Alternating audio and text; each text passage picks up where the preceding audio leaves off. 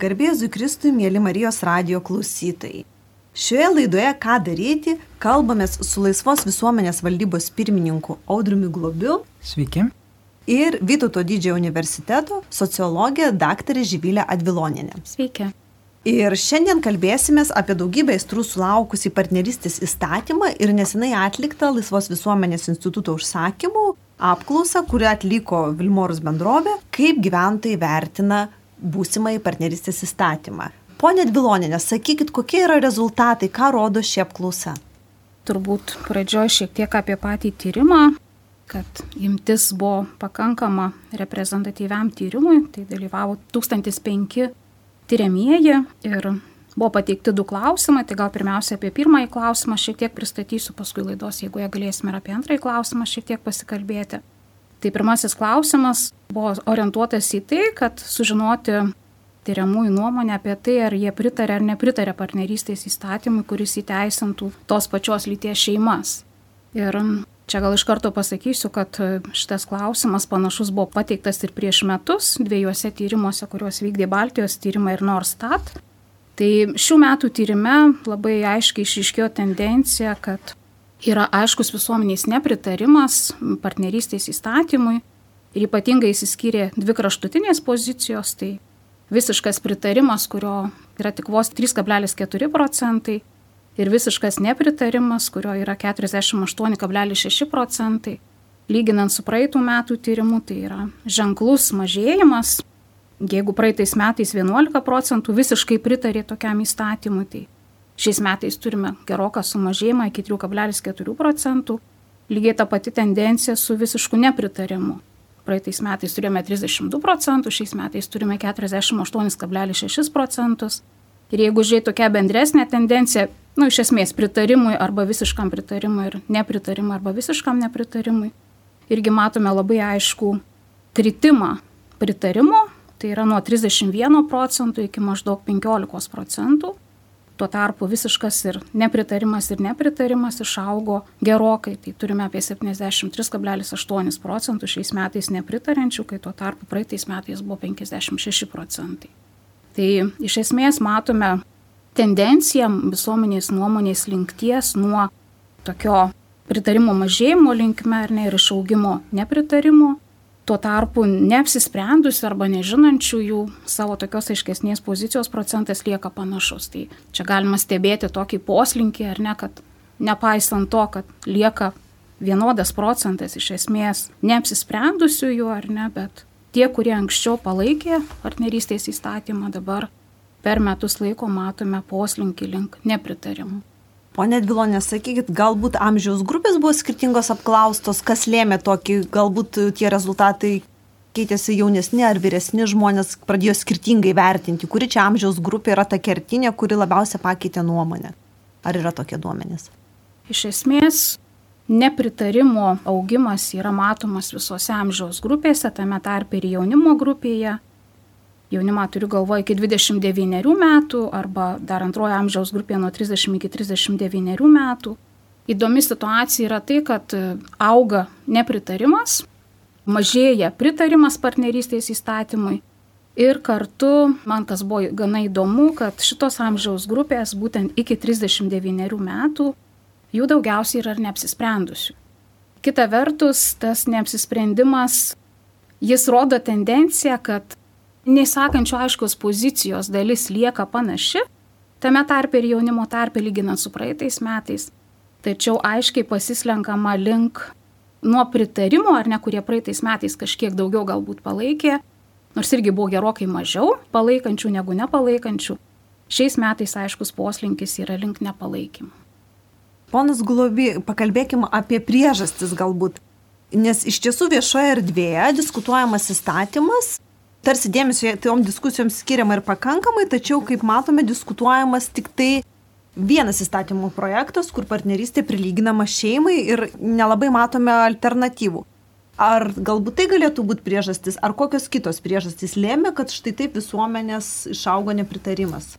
Tai pats partnerystės įstatymas ir praėjusiu metu pavasario sesijoje, kuris buvo pateiktas, faktiškai tai didžiaja dalimi buvo pateiktas civilinės santokos nukopijuotas įstatymas vyro ir moters.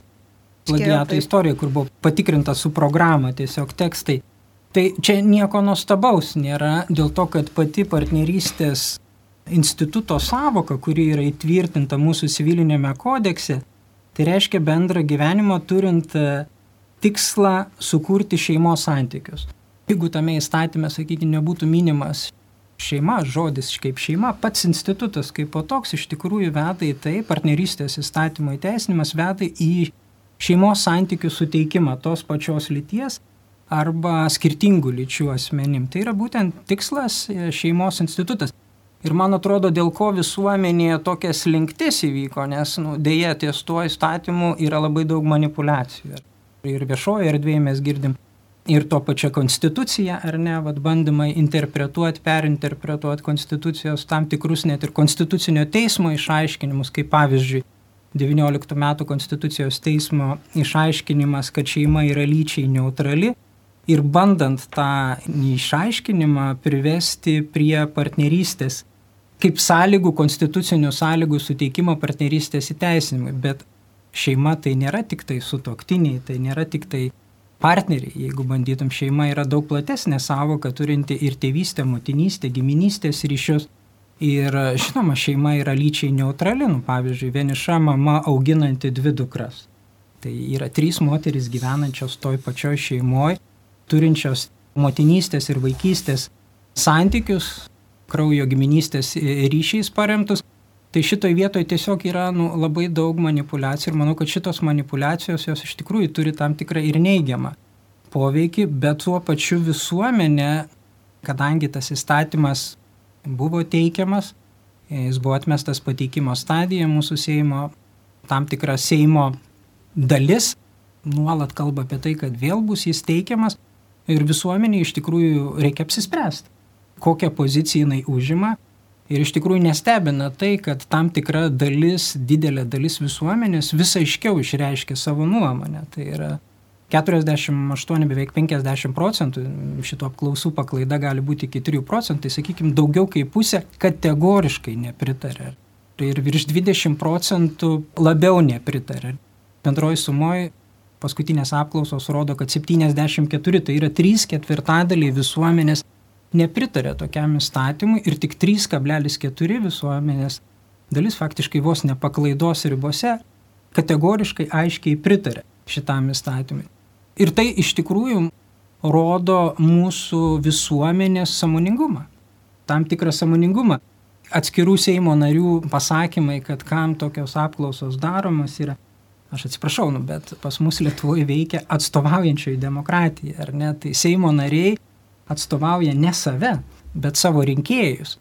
Ir tokiais klausimais kaip partnerystės įstatymas, kuris iš esmės keistų konstitucinę teisinę šeimos sampratą, kuri mūsų konstitucijoje 38 straipsnėje yra įtvirtinta kaip visuomenės ir valstybės pagrindas, tai yra, nu, esminiai klausimai. Ir kaip tada Seimo nariai turėtų balsuoti, neatsižvelgiant į savo rinkėjų nuomonę, į jų, tai man atrodo tokios apklausos jos yra ypatingai svarbios būtent Seimo nariams, nes jiems siunčia žinę, ką galvoja apie konkretų kiekvieną, mat, sakykime, šiuo atveju partnerystės įstatymą jų rinkėjai, ar ne, nes, nu taip, tam tikra dalis Seimo narių atstovauja 3,4 procentus, nu ir jie formuoja savo naratyvus viešojoje erdvėje, ar ne, tam tikra dalis Seimo narių atstovauja 74 procentus.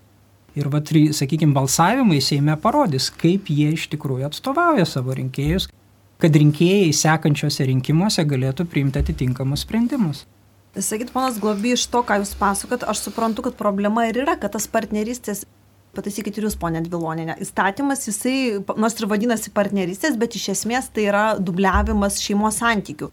Tai natūralu, kad tie žmonės kurie nepritarė partnerystė, jaučiasi apgauti. Kita vertus, mes neturim iš tiesų alternatyvos įstatymo, nes žmonių bendro gyvenimo klausimus reikia spręsti, juos reikia turbūt sureguliuoti ir niekam dėl to klausimo nekyla. Ir tokio partnerystės įstatymo, kuris būtų iš tiesų alternatyva, tai nebūtų šeimos įteisinimas, bet bendro gyvenimo, privačių santykių įteisinimas, kaip ir nediskutuojama ir galbūt iš to visuomenės tas priešiškumas kilo, kadangi diskusija kalba tik apie tą patį įstatymą, tarsi nu, nebūtų alternatyvos. Matot, tiesa yra tokia, kad iš tikrųjų mūsų Seime yra du įstatymo projektai. Vienas įstatymo projektas, be kita ko dar ankstesniam Seime, jis yra praėjęs pateikimo stadiją, tai yra bendro gyvenimo susitarimo įstatymo projektas, kuris reguliuoja bendrai gyvenančių žmonių privatų gyvenimą. Ar ne? Ir čia tada klausimas kyla, ar tie žmonės, kurie gyvena, veda bendrą gyvenimą, ar jų teisės, jų gyvenimas turėtų būti reguliuojamas kaip privataus gyvenimo ligmenyje, ar ne, ar kaip šeimos teisų tam tikra apsauga. Tai tiesiog šiuo metu Seime esanti valdančioji dauguma atmeta šitą įstatymą, jis yra praėjęs pateikimo stadiją bendro gyvenimo susitarimą, jis yra praėjęs svarstymus Seime, komitetuose ar ne, ir jis iš tikrųjų galėtų būti teikiama kaip alternatyva ir priminėm, bet jis netinka. Dėl to, kad jis neįsteisina šitų asmenų bendro gyvenimo kaip šeimos santykių, o yra norima būtent per šeimos institutą tuos santykius sureguliuoti. Ir man atrodo, kad čia yra problema. Ir visuomenė ir šitos apklausos, ir be kita ko darytose praėjusiais metais pritartų tam, kad iš tikrųjų, jeigu tiems žmonėms yra reikalinga, kurie gyvena, ir čia nėra tik tai tos pačios lyties asmenų, e, Lietuvoje yra daug vienišų žmonių, kurie, pavyzdžiui, irgi galbūt kaip artimieji galėtų gyventi kartu, padėti vienas kitam. Yra tikrai ne, nemažai ir vienišų moterų kurios arba išsiskyrusios, gyvena nesantokoje, kurios yra, sakykime, draugės ar ne, ir galbūt galėtų vesti bendrą ūkį ir jų bendras gyvenimas galėtų būti sureguliuotas, bet tai nėra šeima. Tai yra du privatus asmenys ar ne, kurių santykiai galėtų būti reguliuojami. Ir tai iš tikrųjų galėtų būti tam tikra alternatyva, kuri be kita ko yra Seime, bet ji šiuo metu nėra svarstoma. Yra tiesiog užsispyrusiai norima tuos santykius sureguliuoti būtent per partnerystės įstatymą. Pone Dvilonė, sakyt, prašau, ar yra apklausų, kokie nors apklausų duomenys, galbūt anksčiau renkti, kaip žmonės reaguotų į tą alternatyvų bendro gyvenimo įstatymą? Ar turim tokius duomenys? Taip, praeitais metais buvo darytas tyrimas, čia tas pats, kurį aš minėjau, kuriame buvo teirautas ir daugiau klausimų. Tai kurią iniciatyvą šeimos politikos rytyje palaikytų žmonės, ar ne, tada tiesiog klausta, irgi lyginta pagal įvairius kriterijus, su kuriuo iš pateiktų teiginių sutiktų, kalbant apie homoseksualias poras. Toliau kitas klausimas buvo, ar pritartų, kad šeimoje galėtų šeimą sukurti tos pačios lyties poros. Tai panašus klausimai buvo pateikti ir iš tiesų praeitų metų tyrimų duomenys rodo, kad Lietuvos visuomenė nėra homofobiška, jinai nėra nusistačiusi prieš kažkokį tai žmonių gyvenimo būdą, bet mato kitus sprendimo būdus. Tai yra tam, kad būtų įspręsti klausimai ir net teisiniai bendro gyvenimo, ką ir Audrius minėjo, yra kiti keliai. Tai yra bendro gyvenimo susitarimo, pavyzdžiui, įstatymo projektas, kuris įspręstų teisinius bendro gyvenimo klausimus, bet nekurtų šeimos santykių. Tai iš esmės, jeigu grįž dabar dar ir prie šių metų tyrimo duomenų, Tai matome tą požiūrį, kad žmonės vertindami įstatymą, kuris partnerystės klausimą ar nekurtų šeimos santykius, per visus kriterijus pagal gyvenamąją vietą, pagal lytį, pagal įsimokslinimą ar ne pagal amžių, ką jau truputėlį minėjau, labai aiškis linktis link nepritarimų.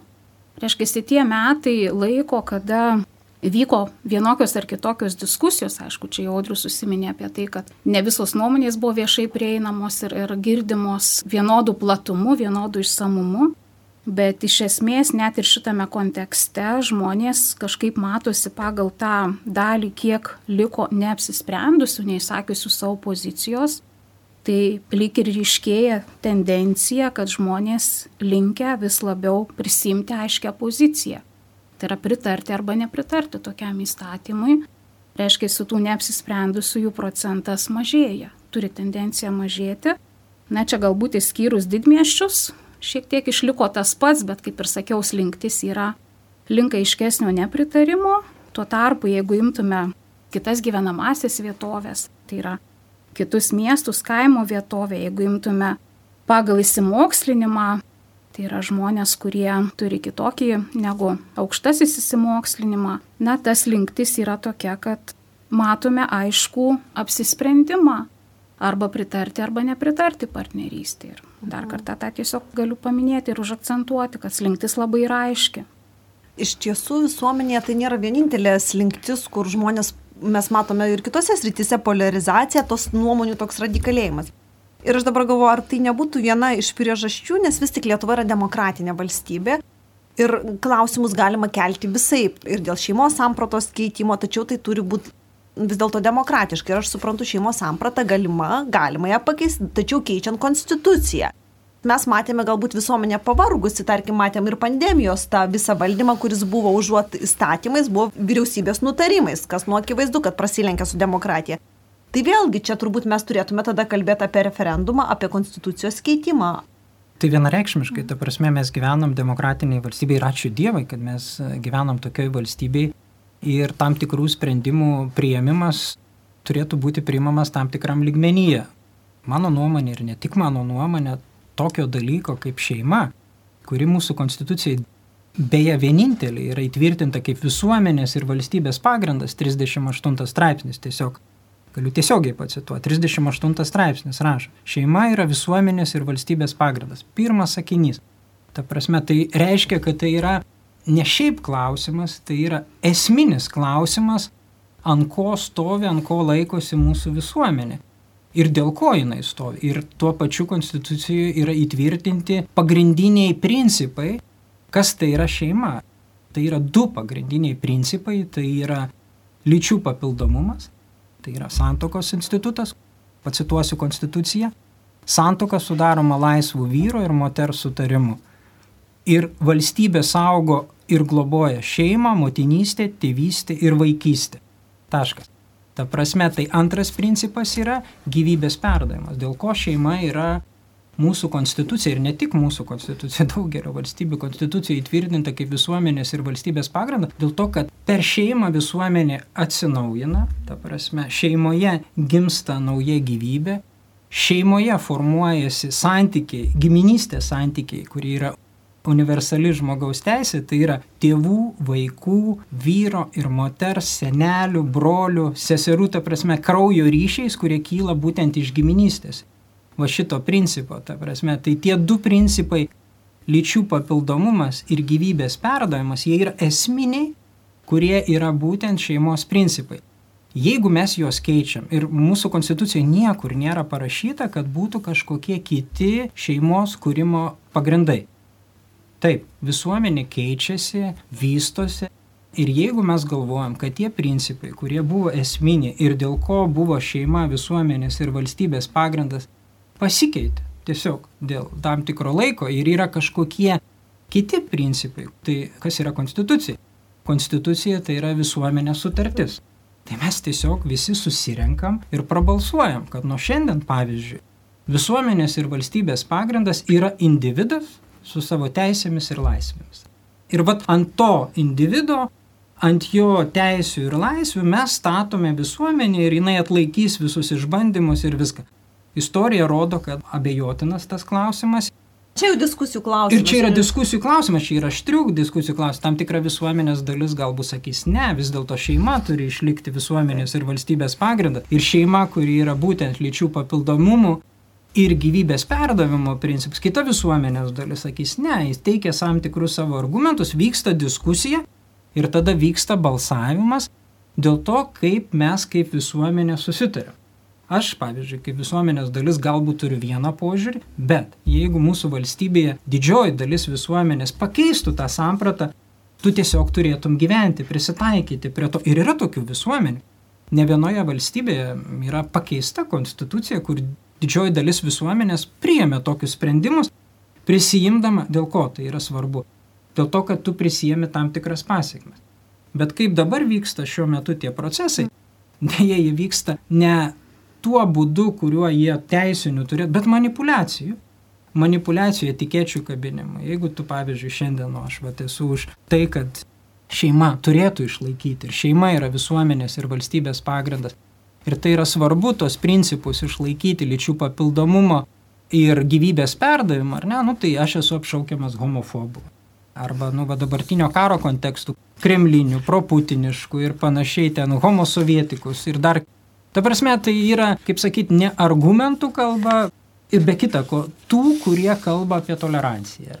Tai tiesiog va toks būdas, tam tikras bandymas užtildyti ir tada iš tikrųjų, man atrodo, ir visuomenės va tas toks radikalėjimas man nepatinka tas žodis radikalėjimas, aš sakyčiau labiau aiškios pozicijos užėmimas. Kartu ir susipriešinimas. Jūs kalbate apie tą konstitucijos keitimą, galima ir prisiminiau pilietybės daugybinės idėją.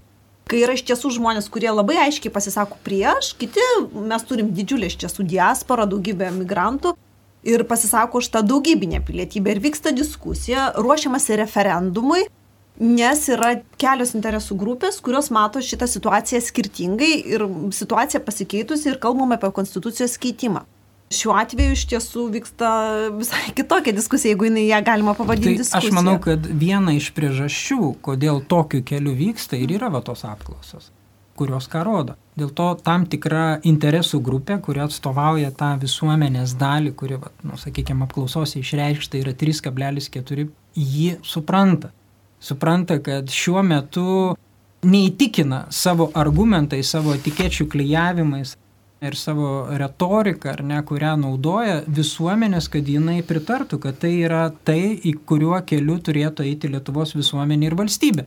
Ir dėl to yra bandoma, kaip sako, įeiti pro užpakalinės duris, pirmą tam tikrais įstatymais sudaryti sąlygas, kad tam tikra visuomenės grupė atsidurtų už įstatymo ribų ir tada nebegalėtų teikti savo argumentų, nes šiuo metu mes dar viešoje erdvėje galime teikti argumentus, Tai nežiūrint to, kad kabinamos etiketės ten marginalizuojama, bet, nu, gali išsakyti savo argumentus, bet priėmus tam tikrus įstatymus, pavyzdžiui, kaip partnerystės įstatymą, tiesiog nebegalėsi. Nebegalėsi to sakyti. Jeigu dabar, vat, pavyzdžiui, pažiūrėsit ar ne, lygių galimybių kontrolieriaus rekomendacijas e, mokymo ūkdymo programoms. Jūs rasite tose rekomendacijose, kad ūkdymo programuose moksleiviams šeštų, septintų kažkur klasių yra rekomendacijos, kad turėtų būti vadovėliuose pateikiamos įvairios šeimos. Ne tik tradicinios, bet ir tos pačios lyties šeimos. Mes dabar kalbam, ar iš vis tos pačios lyties asmenų bendras gyvenimas yra šeima ar nėra šeima, bet jau šiuo metu vadovėliuose, pavyzdžiui, yra teikiamos rekomendacijos, kad jos būtų pateikiamos, kad vaikam tai būtų, nu, sakykime, ugdymo programuose pateikiama. Tai bet šiuo metu tai yra rekomendacinio pobūdžio. Jeigu tie įstatymai būtų priimti, tai tada būt, turėtų būti privalomo pobūdžio. Ir iš esmės daug tų dalykų keisis. Aš nesakau, kad to negali būti. Jeigu mūsų visuomenė ir valstybė nusprendžia, kad tai yra mes kaip visuomenė ir valstybė, manom, kad pasikeitė ta šeimos samprata. Bet tai nėra universali e, žmogaus teisė. Aš galiu, vat, pavyzdžiui, pacituoti ir net mūsų konstitucinio teismo 2019 m. sausio 11 nutarimą, kuris sako, kad tarptautinė žmogaus teisė nenustato pareigos suteikti šeimos teisinį statusą kitoms bendro gyvenimo formoms. Pacituosiu Konstitucinio teismo išaiškinimą. Citatos pradžia. Konvencijoje nenustatyta bendra pareiga valstybėms dalyvėms vidaus teisėje užtikrinti tos pačios lyties asmenims galimybę sudaryti santoką ar leisti partnerystę.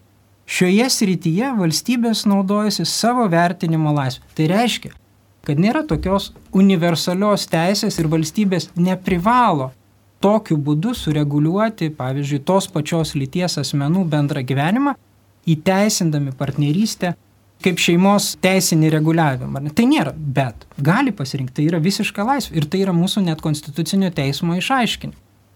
Pone Dvilonė, dabar kreipiuosi į Jūs. Iš tiesų, matom, kad tema yra ir aktuali, ir žmonės turi apie ją nuomonę, ir jinai kelia tam tikrą susipriešinimą.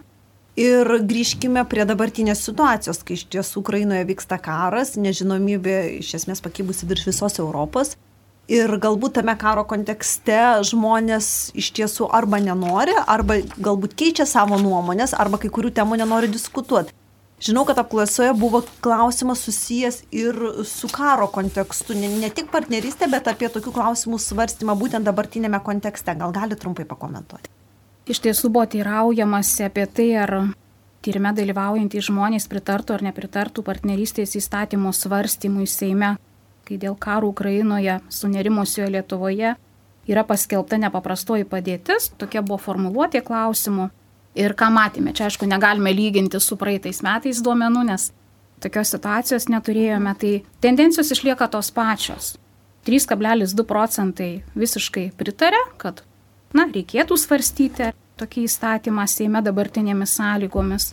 11,9 pritarė, tai na, sumuo mes turime apie 15 procentų plus minus tų žmonių, kurie palaikytų šito įstatymo svarstymą dabar Seime. Ir priešingai, 44,9 procentai visiškai nepritarė tokiam sprendimui, 26,7 procentai nepritarė. Reiškia, nepritarimo poziciją mes vėlgi turime gerokai didesnę, netoli 72 procentų, kur vėlgi išlieka ta pati tendencija kaip ir su pirmoju klausimu. Visiškas pritarimas yra vos 3,2 procentai, visiškas nepritarimas daugiau negu 40 procentų, kas rodo labai aišku vėlgi visuomenės tokį apsisprendimą, kad turbūt nelaikas dabar tokius klausimus kelti, galbūt yra svarbesnių klausimų. Tai nereiškia, kad nereikėtų ar ne apskritai kalbėti apie teisinius dalykus šitų žmonių, šitų porų svarstymo, bet tiesiog partnerystės įstatymas nėra tas įstatymas, kuris turėtų būti šiuo metu pirmailiškai svarbus ir pirmailiškai keliamas. Ir, sakykime, Laisvos visuomenės institutas prieš prasidedant šiai Seimo sesijai kreipėsi į Seimo narius, į Seimo vadovybę su siūlymu, kad iš tikrųjų pavasario Seimo sesijoje, esant tokiom sąlygom, nebūtų svarstomas toks įstatymas, Ir ne dėl to, kad jis neturėtų būti svarstomas, jis turėtų būti svarstomas, bet iš tikrųjų turėtų vykti diskusija argumentų, nes, vat, kaip jūs sakote, yra tam tikras visuomenės susipriešinimas, aš sakyčiau, yra tam tikras tų dalykų sprendimo kelias. Vieni sako, tam tikra dalis visuomenės, kad iš vis nereikia spręsti, bet nemaža dalis visuomenės sako, kad taip, reikia spręsti, bet tai yra tiesiog netinkamas kontekstas. Ir iš tikrųjų mes buvom teisūs. Dėl ko? Dėl to, kad šiandien dienai tam tikra Seimo dauguma ar nesako, kad ne, tai yra tinkamas laikas ir, kaip jie sako, žmogaus teisų ar ne klausimai turi būti svarstomi ir jie tikrai teiks pavasario sesijoje tą įstatymą. Ir tada nu, automatiškai ta visuomenės dalis, kuri turi savo argumentus, kaip turėtų būti tie priimami sprendimai ir kaip pateikiam mes, sakykime, tuos argumentus, mes tada iš karto esame apšaukiami kremliniais, prorusiškais ir panašiai. Ta prasme, tiesiog šitam kontekste nevyksta diskusija, nevyksta argumentų diskusija, bet vyksta toks etikečių kabinimas, žeminimas kitos pusės, bandant vat, tokiu būdu, aš tikrai nepabijosiu įvardinti, prastumti tuos įstatymus. Tai dar labiau supriešins visuomenę ir aš nenustepčiau, kad nu, vat, tokiam kontekste tokių įstatymų stumimas be argumentų, bet nu, vat, tokių etikečių žeminimo, marginalizavimo keliu sekančiais metais turėsim apklausas, kurios rodys 90 procentų nepritarimą, ar ne? Nu, nes visuomenė iš tikrųjų mūsų yra suprantanti ir, ir tas prievartos mechanizmas šitoj pasaulio daly neveikia, nes mes dar esam ta karta, kuri patyrėm ir sovietmetį ir reakcijos yra priešingos. Tas, man atrodo, toks apsisprendimas, va, toks buldozeris, ar ne, arba pavyzdžiui, kaip praėjusiu metu Seimo, se, pavasario Seimo sesijai partnerystės įstatymas buvo. Nu, tai buvo visiškas buldozeris. Penktadienį vyko registracija, pirmadienį ar antradienį Seime vyko svarstymas. Ta prasme, Seimo nariais, kai kalbi, tai ten nemaža dalis jų net nespėjo perskaityti, ne apie tai, kad ten įsigilinti ar dar ką nors. Tiesiog buvo bandoma, nusakyčiau, išprievartauti Seimą. Nu, net, tikrai netinkamas būdas tokiems įstatymams, kurie liečia mūsų konstitucinį visuomenės ir valstybės pagrindą šeimą. Galvoju, kad tokia situacija iš tiesų yra kenksminga mums visiems, nes žmonės susipriešinimas didėja ir kelia vis daugiau klausimų apie demokratiją, nes vis dėlto šiuo metu yra nepaprastoji padėtis, tiesioginių merų rinkimai, vėlgi artėjant savivaldai yra pakibę ore, mes nežinome, kaip bus priimtas ar nepriimtas tas įstatymas. Ir galbūt iš tiesų, užuot skirus diskusijas, užuot įteisinus vis dėlto tų žmonių gyvenimą vienokią ar kitokią formą, kaip čia jau būtų, arba keičiant konstituciją, galbūt, galbūt mes iš Mes dabar negalim keisti, taip, mes referendumo ne... įstatymo neturime. Mes neturim referendumo įstatymo.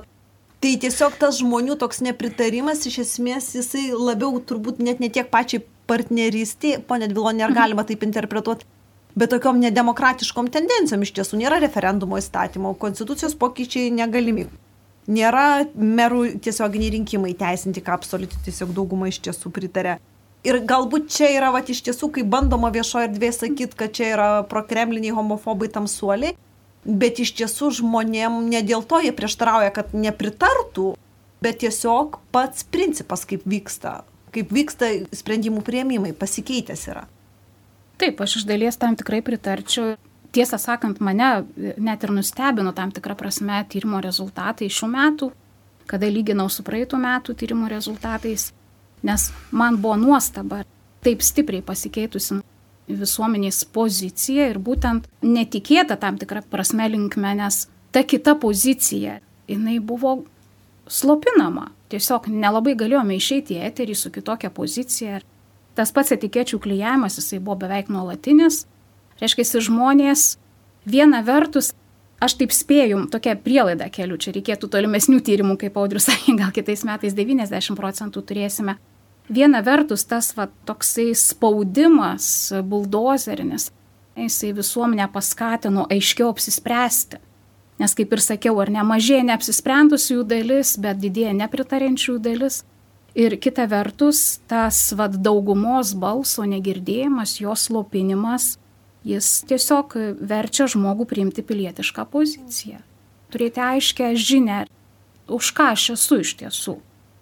Ir tai yra iš tikrųjų žinia mūsų politikams ir Seimo nariams. Ir iš tikrųjų, va, demokratija nėra tai, kad nu, mes ateinam į Seimo rinkimus ir po to keturis metus nedalyvaujam politikoje kaip visuomenė ar ne, kaip piliečiai ir po to ateinam po keturių metų vėl į rinkimus, kaip be kitako mūsų premjerė sakė, prabalsavot ir dabar po keturių metų galite vėl ateiti, dabar pailsėkit, ar ne? Čia nėra demokratija. Demokratija yra tai, kad mes išrenkam Seimo narius, išrenkam dėl to, kad jie išsako tam tikras nuostatas, kuriomis jie vadovausis priimdami savo sprendimus, po to mes stebim juos ar jie iš tikrųjų tai savo įsipareigojimais vadovaujasi ar ne, dalinamės informaciją, teikiam savo pasiūlymus, jeigu jie nevykdo savo įsipareigojimų, kuriuos išsakė rinkimų metu, mes jiems rašom laiškus, organizuojam mitingus, tai yra nu, būtent pilietinės visuomenės, demokratinės pilietinės visuomenės veikimo būdai. Ir man atrodo, kad va šitie metai, kai buvo bandoma iš tikrųjų labai gaila, kad nu, va, tokiom sąlygom, sudėtingom sąlygom ir pandemijos ir dabar karo sąlygom slopinti va, tą pilietinę visuomenę, tai iš tikrųjų nedidina demokratijos. Bet koks yra geras ženklas, kad mūsų visuomenė vis dėlto yra atspari tam. Ir man atrodo, kad va, šitos apklausos politikams siunčia žinę, kad tai yra netinkamas būdas, ar ne? Ir mūsų visuomenė vis dėlto užima tam tikrą poziciją ir aš tikiuosi, kad jinai tą poziciją išsakys ne tik per rinkimus, bet turės galimybę išsakyti ir tarp rinkimų tam tikram periode. Ir labai tikiuosi, kad politikai atsižvelgs.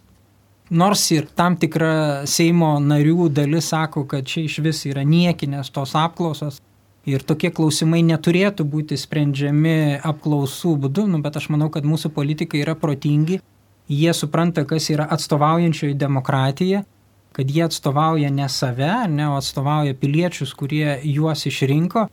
Ir tokiais svarbiais klausimais kaip šeima ar ne, priimdami sprendimus atsižvelgs į tuos dalykus.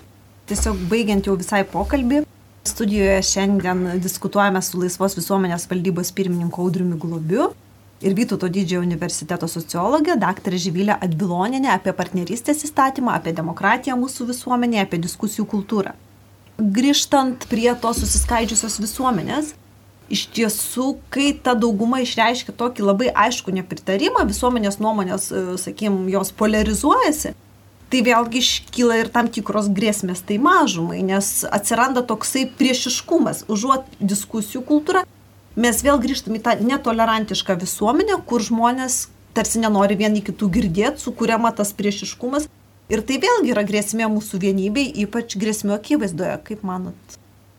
Aš manau, kad iš vienos pusės taip, iš kitos pusės ne. Aš manau, kad yra utopija tikėtis, kad mūsų visa visuomenė turės vieną vieningą nuomonę. Mes jau gyvenom tokioje visuomenėje, kur visi turėjo vieną aiškę vieningą nuomonę.